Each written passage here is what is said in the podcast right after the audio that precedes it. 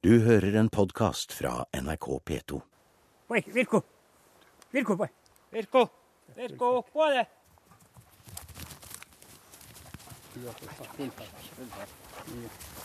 Gjeterhunden Virko er kommet ut av syne i den eh, glisne furumoen. Olof Anders og sønnen Jon Anders Kumunen kaller den yre valpen bestemt på plass. Familiens reinsflokk befinner seg langt vestpå mot kysten nå. Men snart trekker den hitover. Når snøen kommer. Ja, her var det bratt. Men lett å gå likevel. Men eh, du Kummenen, du som er herfra, hvor er vi egentlig nå? Ja, Nå er vi oppe i også Lønsdal, eh, og det er oppe i innfallsporten til, til Saltfjellet nasjonalpark. Ja, Og så Saltdal går nedover her, og så Bodø er vel eh, hva er det, 11 mil til Bodø, og så Mo i Rana er det 10 mil. ja. Hvor, hvor langt er det opp til polarsirkelen nå? Jeg er vi så vidt nord for Polarsirkelen nå. Det er vi oppe i arktiske strøkene. Nå har Lorås og Kummen lovt at det ikke er så langt igjen. Nei, det er ikke det nå. Det. Men nå ser vi furuene. Litt av stål igjen.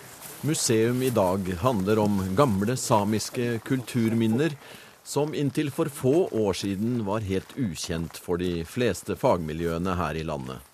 Samene har brukt furubark som en del av sitt daglige kosthold i årtusener. Men på midten av 1800-tallet sluttet samene med det. Men sporene etter barktakinga er ikke visket ut, og det er dem vi nå skal få se her i Lønsdal. Med oss er reindriftssame Olof Anders Kummenen og professor Jostein Lorås. Han arbeider ved Høgskolen i Nesna og er prosjektleder i arbeidet med å kartlegge og analysere disse kulturminnene. Det er en ansamling av tre her. Tre gamle. Ja, det var noen solide trær, altså. Hjelpe meg. Forvridd. Og her er da barken eh, borte. Ja, Altså, her har det vært barktatt. dette er et barktatt tre, ja. Og mm, vi har datert det her treet her til den barktakinga til 1753. Og alderen på treet det er ca. 400 år gammelt. Det har vi også datert. Det er 400 år, ja. Ja, treet, ja. Og det er jo, ser jo ut som det er i full vigør. Ja, det er absolutt. altså. Det er mye bar på dette treet her, og det kan eh, sikkert leve ennå i 100 år.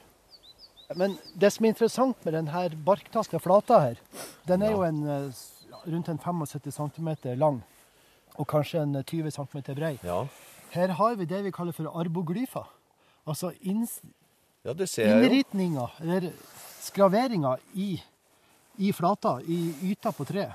Er det vanlig? Nei, det er ikke vanlig. Og eh, de her, her de er helt unike, altså. For eh, det er vanskelig å tolke hva, hva, hva som er gjort her. Men vi mener det at de her, her er laga samtidig som barken ble fjerna, altså i 1753. Ja, for det her er jo ikke noe moderne tullerier. Nei, du kan si at eh, lenger ned her så er det nok moderne kutt. Det er noen som har vært skada på treet her. Ja. Du ser på sida av det barktatte flata. Øksehugg. Men, Men- du kan vi beskrive litt grann hva Ja. Det ser ut som noen stjerner eller roser eller et eller annet. De, de, vi kan godt si at det ser ut som stjerner. Og det er elleve stykker av de jevnt fordelt på denne flata her. Og de har en liten kjerne som er 0,7 millimeter, og Ja. den er like stor på alle de her elleve symbolene.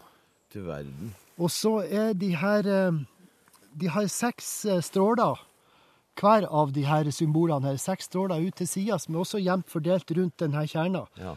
Så diameteren her er ca. 4 cm fra ytterspissen på den ene strålen til den andre ytterspissen. Og den opprinnelige barktakinga her er Hvor stor vil du anslå den til å Jeg vil være? an- anslå den til å være en sånn 75 cm, men den var nok større. For det som skjer når du tar barken av et levende tre i sin beste alder, er at treet prøver å reparere seg. Riktig. Og da blir det stadig mindre med årene. Skjønner. Så dette her har vært atskillig større før. Og særlig i bredda. Og det har vært nok en litt høyere også, men særlig i bredda, så det kan godt ha vært på denne måten. Du, det er, det er jo eh, helleristninger på tre. Det er treristninger, får vi døpe dem til. Ja, arboglyfa, altså arbor betyr jo tre på latin. Og glyfa, det er tegn, innskårne tegn i tre eller stein. Så det er jo riktig som du sier. Hvor mange sånne tilfeller er det i området her? Nei, dette er helt unikt for Lønsdalen. Vi har ikke funnet noe flere ut av de. Du må på svensk side for å finne arboglyfer i tre i pitesamisk område, for det er jo det vi snakker om her. altså at Øst-vest-forbindelsen den er pitesamisk. Ja. Og eh, på svensk side så har man funnet forskjellige typer symboler innrita i treflater på denne måten, men ingen som er likedan, identisk med de her. Nei, i uttrykk, nei. Nei, ikke uttrykket. Men altså, vi har jo tolka det her som mulige solsymboler. Og vi tror at uh, det kanskje har vært knytta til offerhandlinger akkurat her. Du, man blir litt sånn nesten andektig når eh, en hører sånn, og du som eh, same også, som er videreføringa av den kulturen. Ja. Og så blir man andektig av det her, og det er virkelig interessant at jeg har, jeg har virkelig fatta mer og mer interesse for det her. Det, og når man blir eldre, så får man helt andre perspektiv på det her. Det skjønner jeg. Eh, har du sett det her noen gang, eller lagt merke til det noen gang? Aldri sett det. Jeg har ikke, jeg har ikke visst om det her også før, før Lorås fortalte det her. Nei, Men de trærne har du sett? Jo, det har jeg sett. Og vi har jo vært Du har passert mange ganger, passert mange ganger, passert, ja. uten å ja, Uten å vite historie.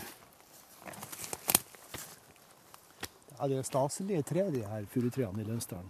Det, de er Det er en sånn gulhet innerst her som uh, vitner om uh, holdt jeg på å si fett. Ja, det er det. Det er jo, altså Furutre er jo ganske fett eh, treslag, og det jo har vært veldig attraktivt som brensel opp gjennom tida. Nettopp pga. Ja. at det brenner så sakte, avgir mye varme. Ja. Særlig da når det blir malmfuru, så den veden brenner jo utrolig sent. Her er tyttebæra flotte og modne. Ser jeg noen her og noen ja, der. Det peker jo mot eh, nordvest, eh, det her barktatte flata. Og dette er relativt gjennomført altså, i alle de områdene vi har registrert eh, barktatte tre. Vi har jo registrert i Lønsdalen og, og nede på Helgeland en par-tre plasser. og Jeg vil påstå at kanskje rundt 70-80% av alle trærne de har en eller annen slags nordlig retning. Enten eh, mot nordvest eller mot nordøst. Og, Hva kommer det av? Ja, det diskuterer man. Eh, en teori er jo det at uh, hvis man tok barken på, på solsida mot sør, så smakte den litt uh, mer bitter. Ja vel. Uh, og man har gjort eksperimenter i ettertid på det, her, og det stemmer nok det at den soleksponerte barken mot sør den er nok litt bitrere i smak. Men religionshistorikere sier jo det at at nord- og sørretningene eh, hos samene eh, den har en spesiell mytologisk betydning. Så derfor så var nordsida mer eh, attraktiv, eller mer nødvendig å ta barken av, enn sørsida. Det er det som blir hevdet. Og det er påfallende hvor systematisk det her er gjennomført. Så det er nok en sammenheng der.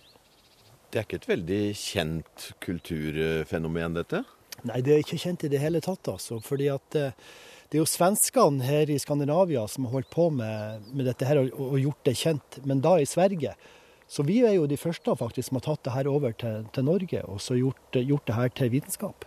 Det er faktisk vi som har gjort eh, skog og landskap. Eh, Arran, eh, Oddmund Andersen, altså Ken Olav Storaune på skog og landskap, og så Siv Elin Eidisen ved Høgskolen i Nesna. Det er vi som har holdt på å registrere tre her og, og, og sammenfatte her, her og tolke resultatet ut av det vi har funnet frem til. Hvor, hvor har, vi, har, du tenkt å føre oss nå? Ja, nå skal vi jo eh, frem på pynten ned mot Lønnselva. Der er det ja. en sånn fin mo. Ja. Og der er det ganske mange barktatte tre som er datert tilbake til ja, 1700-tallet, de fleste, men også noen på slutten av 1600-tallet. Vi skal gå og se på de, og de står forholdsvis tett bortover der. Innimellom hyttene. Det blir morsomt. Da Jeg kjører etter dere. Så da åpner du døra. Sånn. Skal vi stoppe opp med det blotta der? En gang skal vi vente på Oddmund Andersen. Han Oddmund, så han som er arkeologen, han har stått i spissen for, eh, for utgravingene akkurat der. Og han har, den kunnskapen er han som forvalter. Da sier vi det. Jo, du får bort og få seg en kopp kaffe før vi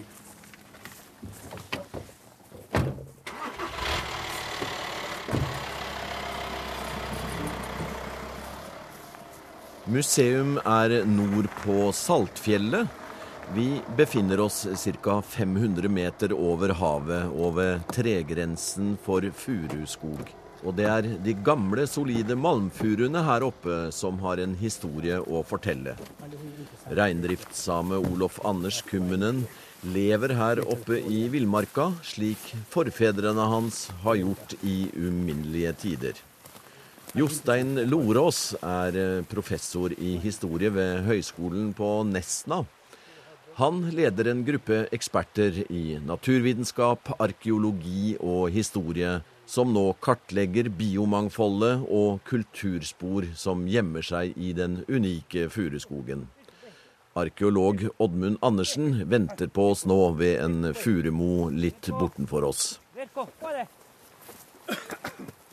Er dette rester av noe? Ja, hvis du ser her, du må nesten gå ned og se. Ja. Her har du en stein, en stein der. Ja, Den danner en slags oval form. ja det gjør det. Så her er et ildsted. Det er et ildsted.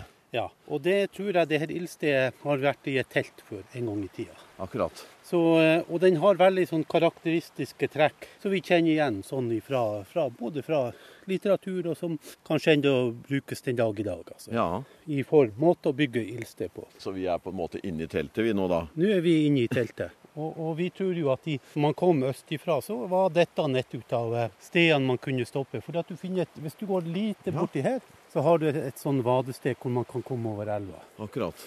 Så langs denne ryggen her ligger sånn her type ildsted på rekke og rad. Eh, har du noe datering her? Ja, dette vi, for vi gravde fire eh, boplasser på denne sletta her. Og dette er faktisk den nest yngste boplassen. Den ligger et sted mellom 1400 til 1600 etter Kristus. Altså. Fra sein middelalder er denne boplassen her. Hvis jeg hadde kommet hit med et moderne telt, så hadde det ikke vært noe dumt sted å plassere det. Er det en morenerygg det her, eller er det det må jo være en, eh, en morenerygg, eh, en, eh, et platå, en terrasse, Ja, under- som har blitt forma under nedsmeltinga i forbindelse med istida. For du har jo flere sånne terrasser oppover det som kalles for Dypen, sørøstover her. ja Nasjonalparkområdet. Ja, det er jo en av vernekriteriene for, for landskapsvernet lenger sørover her. Det er jo, det er jo nettopp de her terrassene som blir danna, og de er jo fra den istida, nedsmeltinga. Er, vi er jo, er jo på en høyde nå. Hvis det går fram på kanten her, så, så det er jo nesten som en som det skulle vært bygd opp som en rett flott tribune, nærmest. Nedover. Kanskje Ja, veldig flott. Ja, det var jo også fint å, fint, fint å sitte her og gjete på rein. Det vil jeg tro. Ja, det er fin utsikt. Hvilke fjell er vi ser i bakgrunnen der? Eh, det er mot Junkerdal og Skeiti. Skeitia. ja Og så har vi Bjørntoppen helt til øverste der. Bjørntoppen. Hvor, hvor høye er de, da? Mm, Jeg er ikke helt sikker på hvor høy de er. Det er over 1000 meter. Så innenfor det en kan kalle samiske grupper som har brukt det området. Det er jo særlig, altså Man knytter det gjerne til den her eh, tradisjonelle pitesamiske reindrifta, hvor man kom ut på kysten på våren. I dag har man delt områdene inn ifra, ut fra dialekter. Og vi er her innenfor et område som, hvor det pitesamisk tradisjonelt har vært veldig eh, sterkt. Nå, I dag er på norsk side er det vel veldig mye svakere, mens på svensk side finner man vel det enda, altså dialekten levende. Og Så har du nordafor er det jo lulesamisk, og så får du det nordsamiske. Og så har du sørover det umesamiske og det sørsamiske. Så vi er liksom innenfor et språkområde hvor du har funnet en sånn en dialekt. Men også er det jo sånn at det, ja, man knytter visse kulturtrekk til det pitesamiske kultur, kofte, og ja, som gjør at dette området skiller seg litt ifra andre områder. Et veldig spesielt område. Vi har jo vært og registrert her i mange år, og det er jo et enormt kulturminnelandskap. Og Ingrid Sakrisson sine arbeid fra en plass på svensk side som heter Adamavalde, hvor hun eh, har datert dem til, eh, til eh, ja, vikingtid, tidlig middelalder, altså 900, 800-900 opp til mot 1100-tallet. Sånn at man tror at de tuftene liksom tilhører den perioden der. Og de finner du, hvis du bare går litt opp her, Sørelva, Adamsvollen, der er det, ligger de eh, stallotuften på rekke og rad.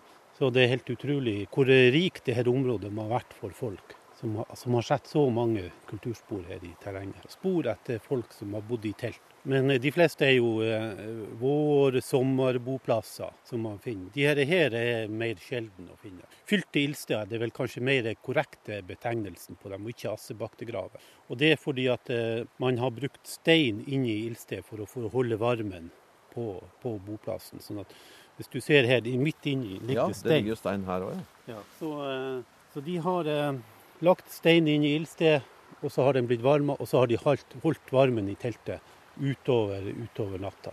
Og de der steinene, når, man, når vi gravde dem, så var de sånn skjørbrent, så de var tydelig at de var, de var varmepåvirka. Så de har ligget i ildstedet. og Et magasin. var et eh, varmemagasin for folk som bodde her. Jon Anders Kummenen, 28 år, og sønn til eh, Olaf eh, Anders. Er du også interessert? Nå har du hengt deg på litt her. Nå har vi en arkeolog, og vi har en historiker, og vi har faren din, og vi er midt i et eh, område hvor det er både teltplasser og spor etter eh, generasjonene lenge, lenge, lenge før deg. Ja, det er jo veldig interessant. Og det er et område vi både bor, og, bor i og bruker mye, både i, i reindrifta og privat. Så jeg syns det er veldig interessant å høre på de her. Det blir litt mer verdifullt å bo her, kanskje? Ja, det blir det jo også. Det er artig, artig å høre historien. Men du, sånn på skolen, eh, jeg vet ikke hvor du gikk på skolen her, eh, men lærte dere noe, eller var det noe kunnskap om, om det de karene her holder på med da? Nei, det var det ikke. Ingenting. Nei. Så at, eh, det er kanskje noe som skal ha vært litt mer med i de lokale skolene. Ja, det var vel kanskje ikke så mange som visste om det heller, så da Men eh, fra nå av og fremover så kan jo det komme inn selvfølgelig i undervisning også. Du får jo bare følge med her, da, så Ja, lærer du enda mer. Ja, ja, ja. Akkurat som meg. Ja, Oddmund, du, vi, nå var vi nettopp på denne teltplassen, Ja. middelalderperioden. Eh, og så har du fortalt at det er et sted Et av de eldste er ikke langt unna her. Ja, den skal ligge omtrent eh, Nå husker jeg ikke, det er så vanskelig å se på, for vi har jo vært og gravd, men jeg tipper at denne nede her. Så vi daterte til merovingertid, eh, vikingtid. Den er kanskje litt mer uklar i formen. Men, eh, det, altså, men vi ser også at det er en stein, del steiner som markerer ildsted. Ja, Og kanskje når vi gravde var den litt vanskeligere å se enn den. Den var veldig sånn helt krystallklar ja. som boplass, mens denne hadde mer sånn uklar form. Hva, fant dere noe? Nei, det som er veldig typisk når du graver teltboplasser, det er at de ofte har veldig lite funn. Man kan av og til finne bein, og så er det ildflint. Og hvis de er fra mer nyere tid, så kan det være krittpipe.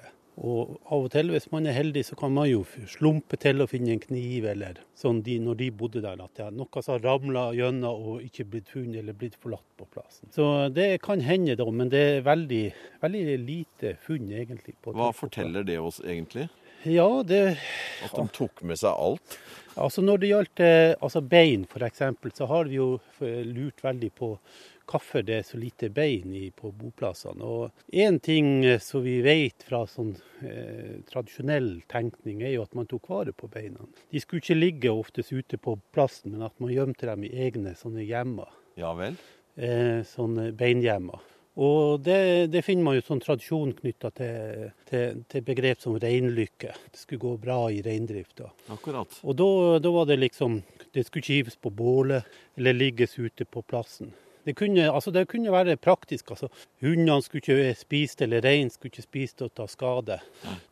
Når man finner sånne beinhjemmer, så finner man veldig mange typer bein. Og det finnes også de beina som man tenker de her beina er ikke farlige for hund. Så det må ha vært andre grunner. Og da finner du også den der tradisjonen med at man kunne gjemme bein for å sikre eh, lykke.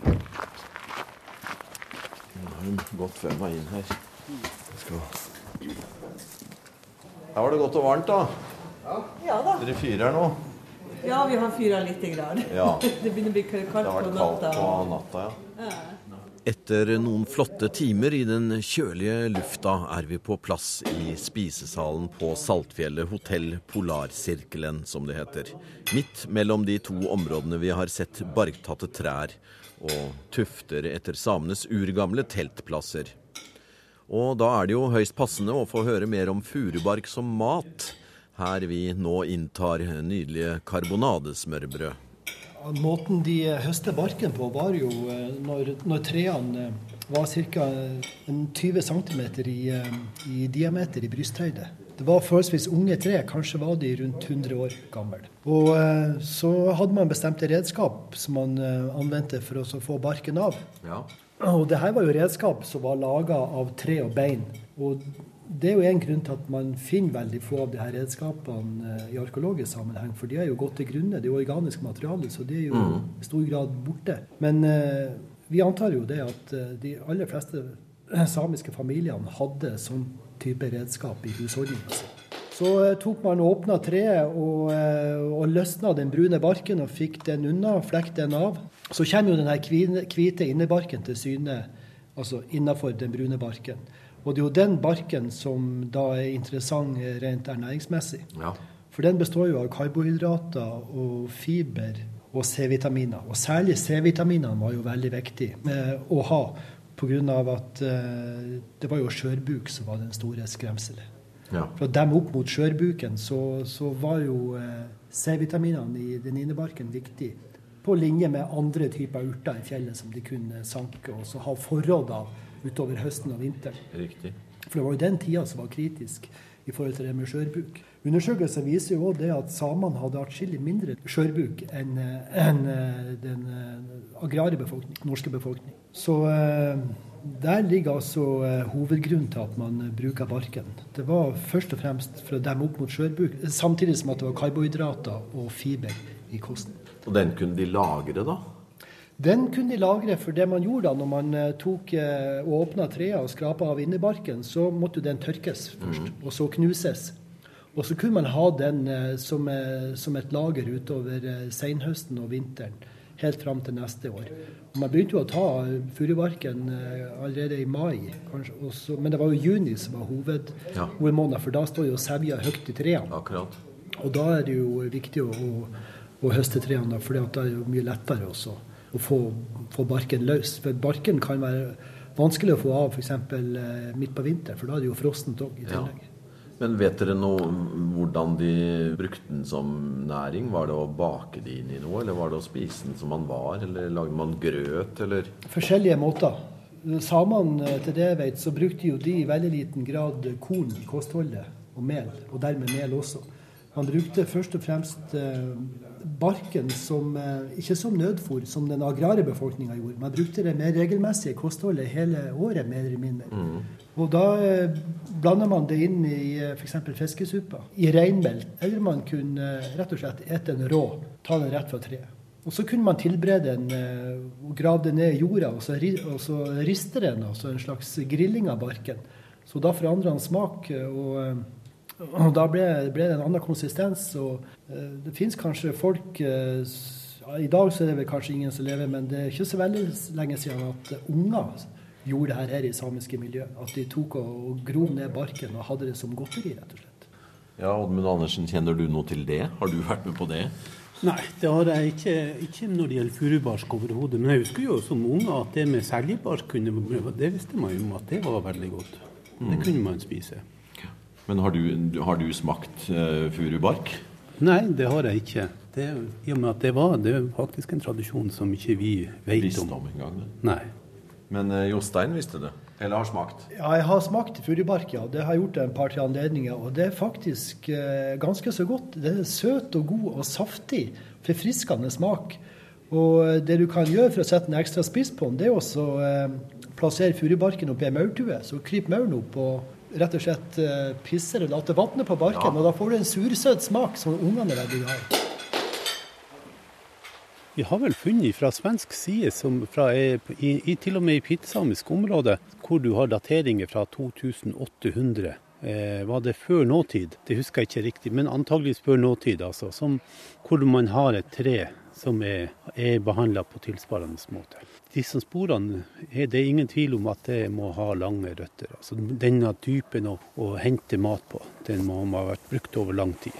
Da, da, er det vel snakk om denne subfossile stokken som de ja. fant i et uh, regulert vassdrag, som da er ca. 2800 år gammel. Ja.